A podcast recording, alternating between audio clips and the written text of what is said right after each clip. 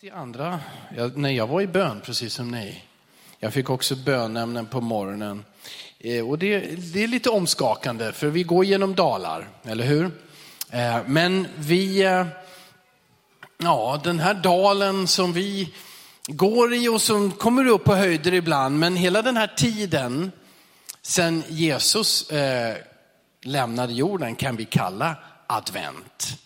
Fast nu är det speciellt. Idag är det den första advent, utav, första advent av fyra söndagar som leder upp till jul. Och just det här året så är det den första dagen att öppna en lucka i en adventskalender eller julkalender. Eh, Adventus Domini heter det egentligen i latin. Det är eh, Herrens ankomst som det betyder. Föreställ dig så här, du står i en ankomsthall på en flygplats. För ovanlighetens skull så kallas den adventshallen, ankomsthallen då, då på svenska. Och på tavlan där du ser olika flyglinjer så, så upptäcker du El Al. El Al, det betyder Guds flyg. Det är ju ett faktum att det är så Israel kallar sitt statliga flygbolag El Al. Guds flyg, men det står El Al. Medan du det finns en, en viss osäkerhet om, om när flygplanet eh, kommer. Men du väntar och så läser du på under tiden och upptäcker att det kommer med en Boeing 777. Ja, men det är mycket som, som, som, som, som, riktar, som talar om vem det är som är på väg i det här flygplanet. Kanske lite osäkerhet om hur tiden och vädret ska vara precis innan flygplanet ska landa. Man har ju läst om en del stormar men ett är helt säkert. Flygplanet har påbörjat sin landning från den höga höjden för att komma. Och det är inte en Boeing 777. Det, det, är inte från Israel eller från en annan mänsklig plats. Det är Jesus som kommer tillbaka till sitt folk och till den här jorden. Och allt folket sa, Amen. Han har påbörjat landningen. Amen. Det här, är ju alltså, det här är ju presidentens flygplan. Ni vet, det är alltid speciellt om ett presidentflygplan. Det är väl bara några få som har sådana här stora jetmaskiner och gör det. Men det här är ju det här är kungens flygplan. Det är kanske är bäst att betona det. Han har inte blivit vald utav folkvilja, utan han har blivit utvald av Gud den högste att vara kung och komma till jorden. Det här, jag pratar förstås om en bild om Jesu andra ankomst. Det som han talade om, jag ska komma tillbaka. Det som änglarna förkunnade när Jesus lyftes upp till himlen och änglarna sa, han ska komma tillbaka på samma sätt. Det som apostlarna och nya testamentets författare förkunnade och sa om och om igen och Johannes i denna uppenbarelse som han fick, sista boken i Bibeln talar om Jesus kommer tillbaka. Platsen är inte en flygplats. Du behöver inte ta reda på om Jesus ska komma till Arlanda eller någon annan flygplats, någon större, mer välkänd. Platsen är Olivberget, Oljeberget, där han lämnade, där ska han komma tillbaka. Eh, nu måste du inte vara på plats på Olivberget för att vänta en Jesu återkomst. För det står, för som blixten går ut från öster och lyser ända bort i väster, så ska det vara när människosonen kommer. Det här sa Jesus själv i Matteus 24 och vers 27. Alla ska se det och veta det oavsett var vi är på jorden. Mot slutet av den här tiden, eller tidsåldern, Vet du vad den kallas i Bibeln? Den kallas för nådens tid. Nådens tidsålder. Där vi kan vända oss till Gud, omvända oss och vända oss till Gud. Men vi skulle också kunna kalla hela den här tidsåldern för advent. För vi lever i väntan på hans ankomst. Mot slutet av den här tiden, då ska kärleken avta. Istället ska saker som krig, naturkatastrofer och förföljelse tillta, berättar Jesus för sina lärjungar och för oss. Ordagrant ur Matteus 24 och vers 12. Eftersom laglösheten ökar kommer kärleken att kallna hos de flesta. Det är som taget ur en tidning, eller hur? Det är som taget ur nyheter. En del diskuterar om, blir det sämre i Sverige eller är det likadant som det alltid har varit, bara att vi berättar lite mer om allt det där illa. Det är en diskussion man kan ha om det blir mera kriminalitet eller vi bara avslöjar mera. Om fler kvinnor slås i hemmen eller om vi bara avslöjar fler män som gör det och ibland vice versa. Det här kan vi diskutera fram och tillbaka. Men håller ni med om det här? Att kärleken avtar? Nej, vad härligt. Du vill inte att den ska göra det Reijo. det är bra. Men jag tror ändå och att när vi ser vad som händer så bygger vi mer och mer murar mellan varandra. Vi jobbar hårt på att få till säkerheten. Och det skapar ett avstånd människor emellan. Och där det finns avstånd, där saknas också mer och mer kärleken. Det stod, eftersom laglösheten ökar kommer kärleken att kallna hos de flesta. Men den som håller ut till slutet ska bli frälst. Och detta evangelium om riket ska förkunnas i hela världen till ett vittnesbörd för alla folk. Sedan ska slutet komma. Jesus betonar otaliga gånger att vi inte ska vara rädda. Han säger i den här texten flera gånger att den som tror ska bli frälst, ska bli räddad i ord ur Jesu mun. Och vi vet att Bibeln säger Gud är trofast i alla tider, i alla situationer. Som Matilda sjöng, om det är dag eller natt, om vi är på höjden eller i djupet. Han är trofast. Du ska inte vara rädd. Men så är vi ju i dalen, vi hamnar ju i dalen. Och eftersom vi blir rädda, eftersom vi ibland tvivlar på faderns godhet emot oss, och eftersom vi ibland funderar på, är jag frälst på riktigt, verkligen, går det, håller det? Så blir en av de viktigaste lektionerna för oss, för dig och mig, att lära oss att lita på Guds ord. Lita på honom. Det är just för att vi ska tro och lita på honom som evangelisterna och nya testamentets författare skrev vad de skrev. Lyssna till avslutningen på Johannes evangeliet kapitel 20, vers 30 och 31. Där han sammanfattar många andra tecken som inte är nedskrivna i denna bok gjorde Jesus inför sina lärjungar. Men dessa har blivit nedskrivna för att ni ska tro att Jesus är Messias, Guds son. Och för att ni genom tron ska ha liv i hans namn. Han själv, Gud själv vill stärka din tro. Och han vill ge dig liv i överflöd. Därför har han gett oss Bibeln, Guds ord. Ett evangelium, goda nyheter, inte bara för de som levde och mötte Jesus för 2000 år sedan, utan också för oss och människor i alla tider. Är det någon annan än jag som föredrar att tro framför att tvivla? Ja, jag, jag, jag, tror att, jag tror att vi vill tro hellre än att tvivla. Och då finns det ett mål att göra. Det finns, eh, vad säger, det finns ett val att göra. Ett mål att sträva efter. Att dagligen eller så mycket vi bara kan läsa Bibeln. Och att om och om igen söka tillfällen, längre tid där vi kan studera för att vi förstår och tar till oss. För då bygger Gud upp din tro. För att inte tvivla utan kunna och tro. Lyssna på det här fantastiska löftet ur Saltarens första kapitel Salig är den som har sin glädje i Herrens undervisning. och begrundar, eller som det också kan översättas, läser upp hans ord både dag och natt. Han är som ett träd planterat vid vattenbäckar som bär sin frukt i rätt tid och vars löv inte vissnar. Och allt han gör, det lyckas väl.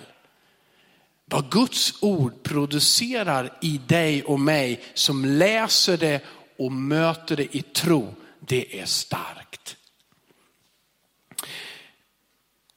Är det så att jag talar för starka S i den här mikrofonen? Jag ser att någon håller för öronen och jag hör att det Kanske det går att göra min röst mjukare eller så får jag tala lite tystare. Mm. Vad har jag sagt nu då? Och jag sa att det är första söndagen i det kyrkåret som kallas advent. Men vi troende, vi lever i en ständig väntan på advent, på Jesu andra ankomst eller på hans återkomst. Jag kanske inte sa det så tydligt, men jag vill säga det här. Det är viktigt för dig och mig som är lärjungar att leva vakna och vaka. Att medvetet vänta på Jesus och att lita på hans ord medan vi väntar och lever livet. Jesus gav oss direkta befallningar om att vara vakna. Han sa det till oss. Men han gav också liknelser, till exempel den om de tio jungfrurna. Vi behöver vaka och vi behöver hjälpa varandra att hålla oss vakna. Och därför så måste varje kristen sträva efter att vara förankrad i en lokal församling. För att vi hjälper varandra att hålla oss vakna i den här bibliska meningen. Att vakna och vänta på hans återkomst. Så att vi tar emot förkunnelse från Bibeln och att vi är del av de böner som bes och att vi tar del i det uppdrag som Jesus utför och har gett församlingen. Jag vill bara säga läs Bibeln så ofta du kan. Studera Guds ord tills du förstår vad du läser. Be den helige ande som har skrivit Bibeln att hjälpa dig att ta till den och omsätta den. Så att du verkligen lever och upplever det som Herren vill ge dig av liv. Amen. Det bygger upp din tro, det ger dig kraft, det ger dig vishet för ditt liv i vardagen. Tro aldrig att den här var mera aktuell för 3000 år sedan, för 2000 år sedan eller för 1000 år sedan än den är idag.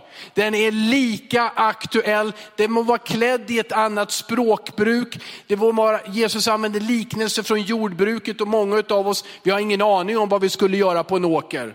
Men det finns principer som vi kan gräva upp ur Guds ord och som ger oss livkraft och vishet för varje dag att leva. Amen. Han vill visa oss en väg. Men vi läste där också vers 14 vad Jesus sa, detta evangelium om riket ska förkunnas i hela världen till ett vittnesbörd för alla folk. Sedan ska slutet komma de goda nyheterna, evangeliet, ska ges, ska förkunnas till alla folk. Det finns inga privilegierade folk så som Gud ser det. Gud säger inte Sverige är speciellt bra, så i Sverige ska alla få höra evangeliet i flera hundra år, men på andra platser ska de aldrig få höra det. Nej, Guds vilja och Guds uppdrag är hela tiden, det här ska ut till alla folk och till alla människor. De ska få höra om Guds frälsning. De ska få veta att advent, ankomst är någonting äkta och riktigt, livsförvandlande. Att Gud kom till världen. Eller hur? Var är Gud? Finns Gud? Bryr han sig? Ja, han har kommit. Han kommer igen. Han kom genom Jesus, Guds son. Och han kommer igen genom Jesus, Guds son.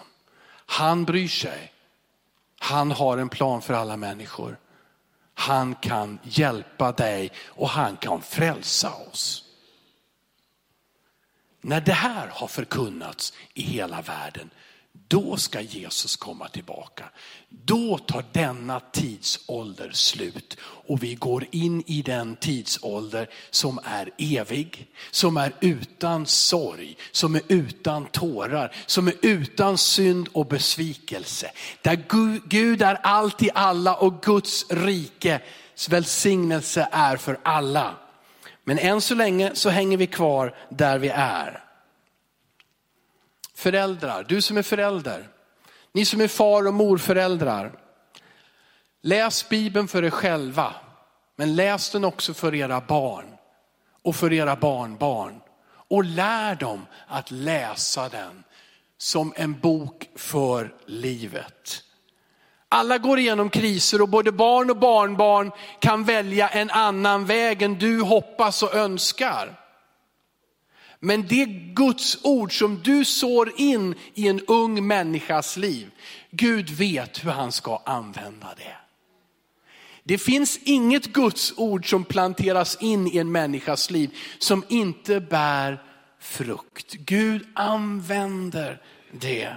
Sen kan det ta tid, för varje människa får och måste till syvende och sist själv välja att ta emot det eller inte ta emot det. Alla troende här inne, hitta vägar att sprida Guds ord i din omgivning. Och om du kan till jordens yttersta gräns. Bibeln säger som sagt att Guds ord återvänder inte utan att bära frukt. Ibland tar det tid, men resultatet är frälsning. Det är evigt liv för människor. Berätta för andra, berätta vad Jesus har gjort för dig och gör människor nyfikna på Bibeln, Guds ord. Det finns så många sätt, otaliga, var kreativ. Men jag tänker så här, visa kärlek och visa omtanke där du finns för de människor som finns runt om dig. Du behöver inte använda din egen kraft utan ge vidare det som Gud har gett dig. Han älskar dig. Låt den kärleken flöda igenom dig till andra människor. Ta med ett julmagasin efter gudstjänsten, det finns ute på kyrktorget. Det är drottning Silvia där på som berättar om sin tro på Jesus och så många andra i den tidningen. Vi har köpt in dem för att kunna ge, inte till er som tror, men för att ni som tror kan ta en gåva och ge den till någon annan. Du får också ta flera stycken utav den. Använd det där lilla Jesuskortet som alltid finns på receptionen. Ta med många om du vill. Vi har tusentals. www.jesus.se. En hemsida full med vittnesbörd, möjligheten att få en bibel hemskickad eller få kontakt med en församling. Det här kan du sprida överallt om du vill. Använd de chanser som du får. Eh, gå med i goda nyheter för alla. Goda nyheter för alla, de hette Gideoniterna förr i tiden. De jobbar med att sprida biblar i skolor, på hotell eller var de får lägga en bibel. Var med och stöd detta. Män och kvinnor får vara med och ge goda nyheter till alla. Men du, skicka ett uppmuntrande sms till någon idag. Ja, vänta till efter gudstjänsten, men sen då? Skicka ett sms till någon. Lägg till ett Guds ord. Sök, be, Herre vad får jag skicka till, till min vän, till min granne, till någon som jag tror att jag kan uppmuntra idag. Du skriver kanske julkort, men det är väl jättebra. Och så skriver du god jul och hälsningar från vad du heter nu då. Men lägg till någonting också då. Låt det inte bara vara god jul och ha en trevlig nyår. Utan lägg till ett gudsord, någonting som en bibelvers, någonting som också tilltalar, väcker, upp, väcker uppmärksamhet men också blir kvar. Vi kan göra som Jesus sa, eller hur? Gå ut två och två på gator och torg. Du kan vara med och ge bort jul. Nu på onsdag så samlas de som vill och kan för att slå in paket till kvinnor som sitter fängslade i Sverige. På lördag kan du vara med om du vill vara, ge jul, julpaket, julklappar till unga människor, delvis barn som sitter på SIS-hem. Ge av din tid på onsdag kväll, på lördag för att vara med och välsigna hundratals människor som inte kommer att fira jul utanför fängelsets dörrar eller SIS-hemmets boende. Var kreativ. Jag tror nämligen att det som Jesus sa att vi ska älska Gud och älska vår nästa, det gör oss kreativa. Det gör dig kreativ. Du kommer på, hur kan jag beröra andra människor med Guds kärlek? Hur kan jag ge vidare Guds ord? Och mycket mer ansvar än så har du inte. Att älska människor och be för dem och ge dem Guds ord. Gud har valt dig och mig att samarbeta med. Låt mig också säga lite kort om den bibeltext som Anki läste för oss från eh, Matteus kapitel 21. Där såg vi hur Jesus förberedde sitt intåg i Jerusalem. Han hade kommit från Samarien. De var, de var vid god kondition lärjungarna av Jesus. De gick mycket. Och nu hade de gått ända uppifrån Galileen genom Samarien till Jerusalem.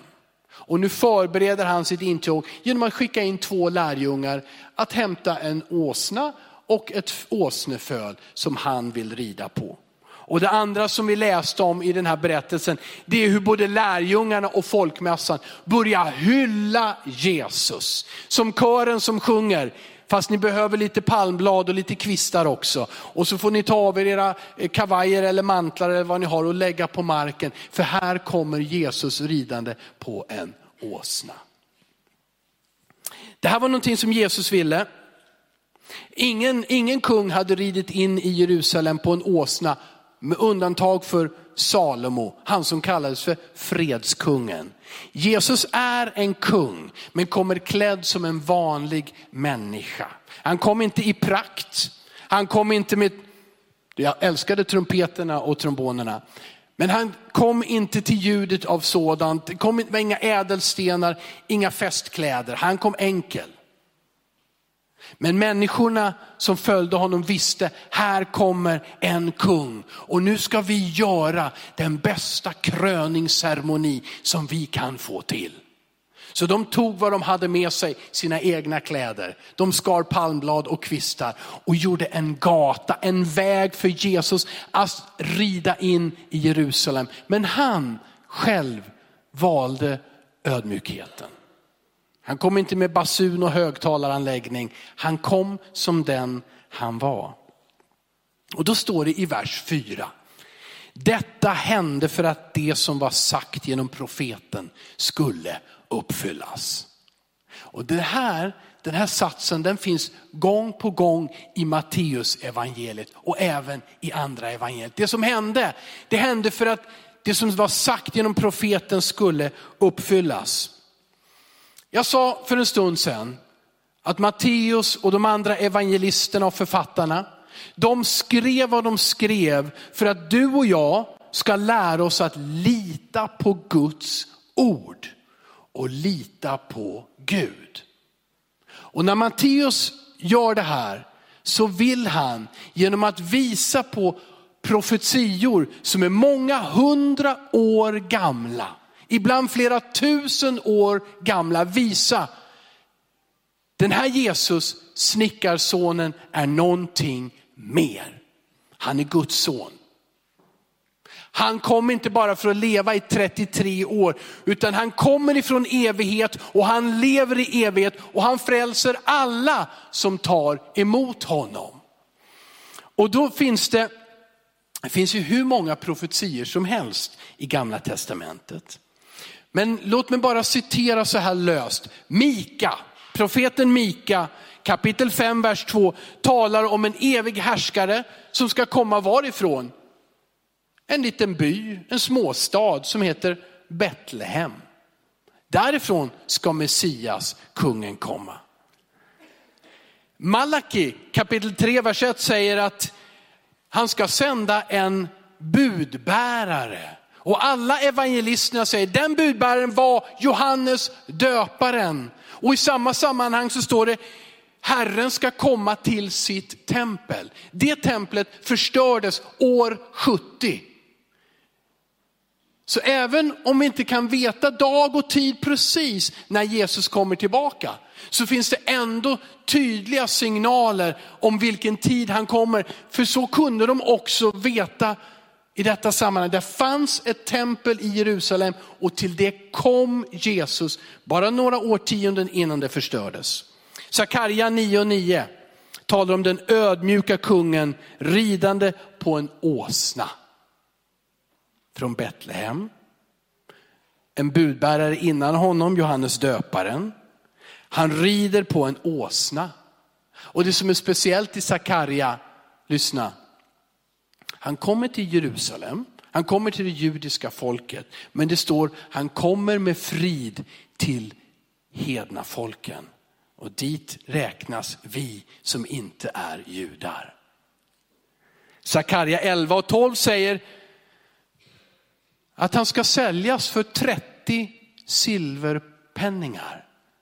Det här är 500 år innan Jesus vandrade på jorden. Hur mycket eh, eh, kursförändringar det än hade varit. 30 silverpengar och enligt andra Mosebok så 30 silverpenningar var priset för en slav. Dolos på grekiska. Samma ord som betyder tjänare betyder också slav. Jesus såldes av förrädaren Judas för 30 silverpenningar.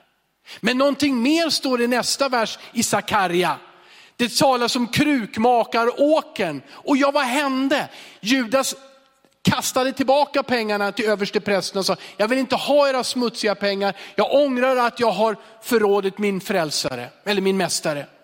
Då vet de inte vad de ska göra med pengarna och de köper krukmakarens åker i Jerusalem. Och vet ni vad de gör med den? De använder den som plats, begravningsplats för vilka då?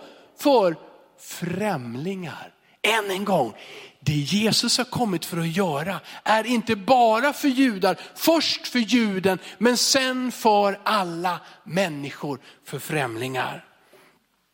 Sakarja 13 och 7 talar om att Herren blir övergiven. De flydde för sina liv när Jesus blev fasttagen. Jesaja 53 och 7 säger, han misshandlades men teg som ett lamm. Ödmjuk. Han anklagades men sa ingenting. Saltaren 22 och 17. Hans händer och hans fötter genomborrades. Det här var åtta profetior. Några av dem är 400 år gamla, 500 år gamla. Det som är från David i Saltaren är naturligtvis 1000 år gammalt när Jesus kommer till jorden. På 60-talet, en matematikprofessor som hette Peter Stoner, han gjorde en studie, han gav 600 av sina studenter eh, möjlighet att delta i den här, eh, ja, de skulle räkna ut ett matematiskt arbete. Och vad är sannolikheten på att en person uppfyller dessa åtta stycken profetier? Att en enda människa kan uppfylla, man kan säga, vad är sannolikheten? De kom fram till en på tio upphöjt till 16. Alltså 16 stycken nollor, en på 10 upphöjt till 16. Jag tror att vi skulle kunna kalla det för miljarders miljarder chans att en person uppfyller dessa åtta profetier. Nu är det dock så här att någon har sagt att det finns 333 profetier i det gamla testamentet och Jesus uppfyller dem allesammans. Os, det, alltså osannolikheten att en kommer och uppfyller detta, den är ofattbar. Men Jesus gjorde det och nya testamentets författare skriver det. Bibeln är sann, vi berättar inga sagor. Det är någonting som är planerat utav Gud att sända sin son för varje människas frälsning. Bibeln håller än idag. Det är Guds ord, det gör levande, men det är också fakta. Det är berättelser från människor som såg och upplevde, hörde, tog på Jesus och sa, wow, nu hände det. Nu gick det i uppfyllelse. Det är därför det står i Bibeln, det är så fantastiskt att vara skriftlärd. Och det är fantastiskt för dig att kunna din Bibel, att läsa och förstå och se, wow, det är verkligen sant. Det skrevs för dig och mig. Och till avslutning, lärjungarna. Jesus skickade dem, hämta två åsnor. Det gjorde de för att han hade sagt det. Men sen, för att de älskade Jesus, respekterade och vördade honom, så började de som de första att ta av sig sina mantlar och de lade den över åsnan. De utförde det Jesus sa, men sen valde de att hylla honom. Människorna valde att hylla honom när han red in i Jerusalem. Två lärdomar till sist av det här. Bibeln lovar dig och mig som tror, och det här är spännande, att vi ska få gå i förutberedda gärningar. Visst är detta ett exempel på det. Jesus säger till två lärjungar, gå in i staden, ni hittar en åsna, ni hittar en åsninas föl. Ta det om någon säger, vad gör ni med det här? Herren behöver det, han ska ge tillbaka det. Och allting sker som Jesus har sagt. Vi kan få gå i förutberedda gärningar i vår vardag. Din vardag är inte meningslös och innehållslös. Gud är inte någon annanstans medan du är på arbetet eller i skolan. Om du tror, om du lyssnar till honom och gör det han säger, då kommer du få uppleva om och om igen att Gud leder dig och att det är förberett det handlar inte om att du kämpar och anstränger dig, utan han leder dig i det som han har förberett för dig och mig. Lita också på orden om Jesu ankomst. Lev vaket och väntande och sjung lovsång. De sjöng, de jublade, Hosianna Davids son, när han red in i Jerusalem. Det kan finnas saker som sker, de bara sker, men du kan också välja vad du gör, hur du reagerar och lever ditt liv. Om händelserna stämde, om profetierna stämde, om tiden och platsen stämde första gången, då ska det också stämma andra gången. Att han kommer tillbaka, att han kommer snart, att Gud är nära. Så låt oss närma oss Gud. Låt oss närma oss varandra. Låt oss närma oss våra medmänniskor och ge evangelium. För Gud har kommit nära oss. Matilda sjöng, han är hjälten som frälser, helar dig och mig. Amen. Vilken underbar sång, vi ska strax få höra lite mer. Han är hjälten som kan frälsa, hela dig och mig. Och jag avslutar med Jesu egna ord ur Uppenbarelseboken 3 och 20. Se, jag står vid dörren och knackar. Om någon hör min röst och öppnar dörren ska jag gå in till honom och hålla måltid med honom och han med mig. Han är här och han är med dig. Du behöver inte resa runt jorden för att finna Gud. Du behöver inte ta dig till månen. Du behöver inte bli en superreligiös människa och ändra allting i ditt liv. Han är nära dig. Så nära att han knackar på ditt hjärta.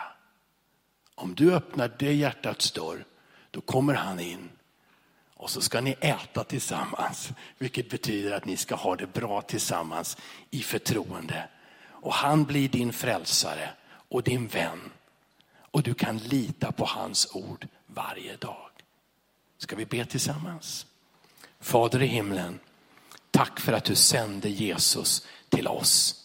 Tack för att han kom och han kommer igen. Tack för att i den här tiden finns det nåd och möjlighet att öppna våra hjärtan, att vända oss till dig. Herre, vad, Vem du än är hos just nu och knackar på lite extra. Herre välsigna den med kärlek och med mod att öppna sitt hjärta för dig. Du är god och du har goda planer för varje människa.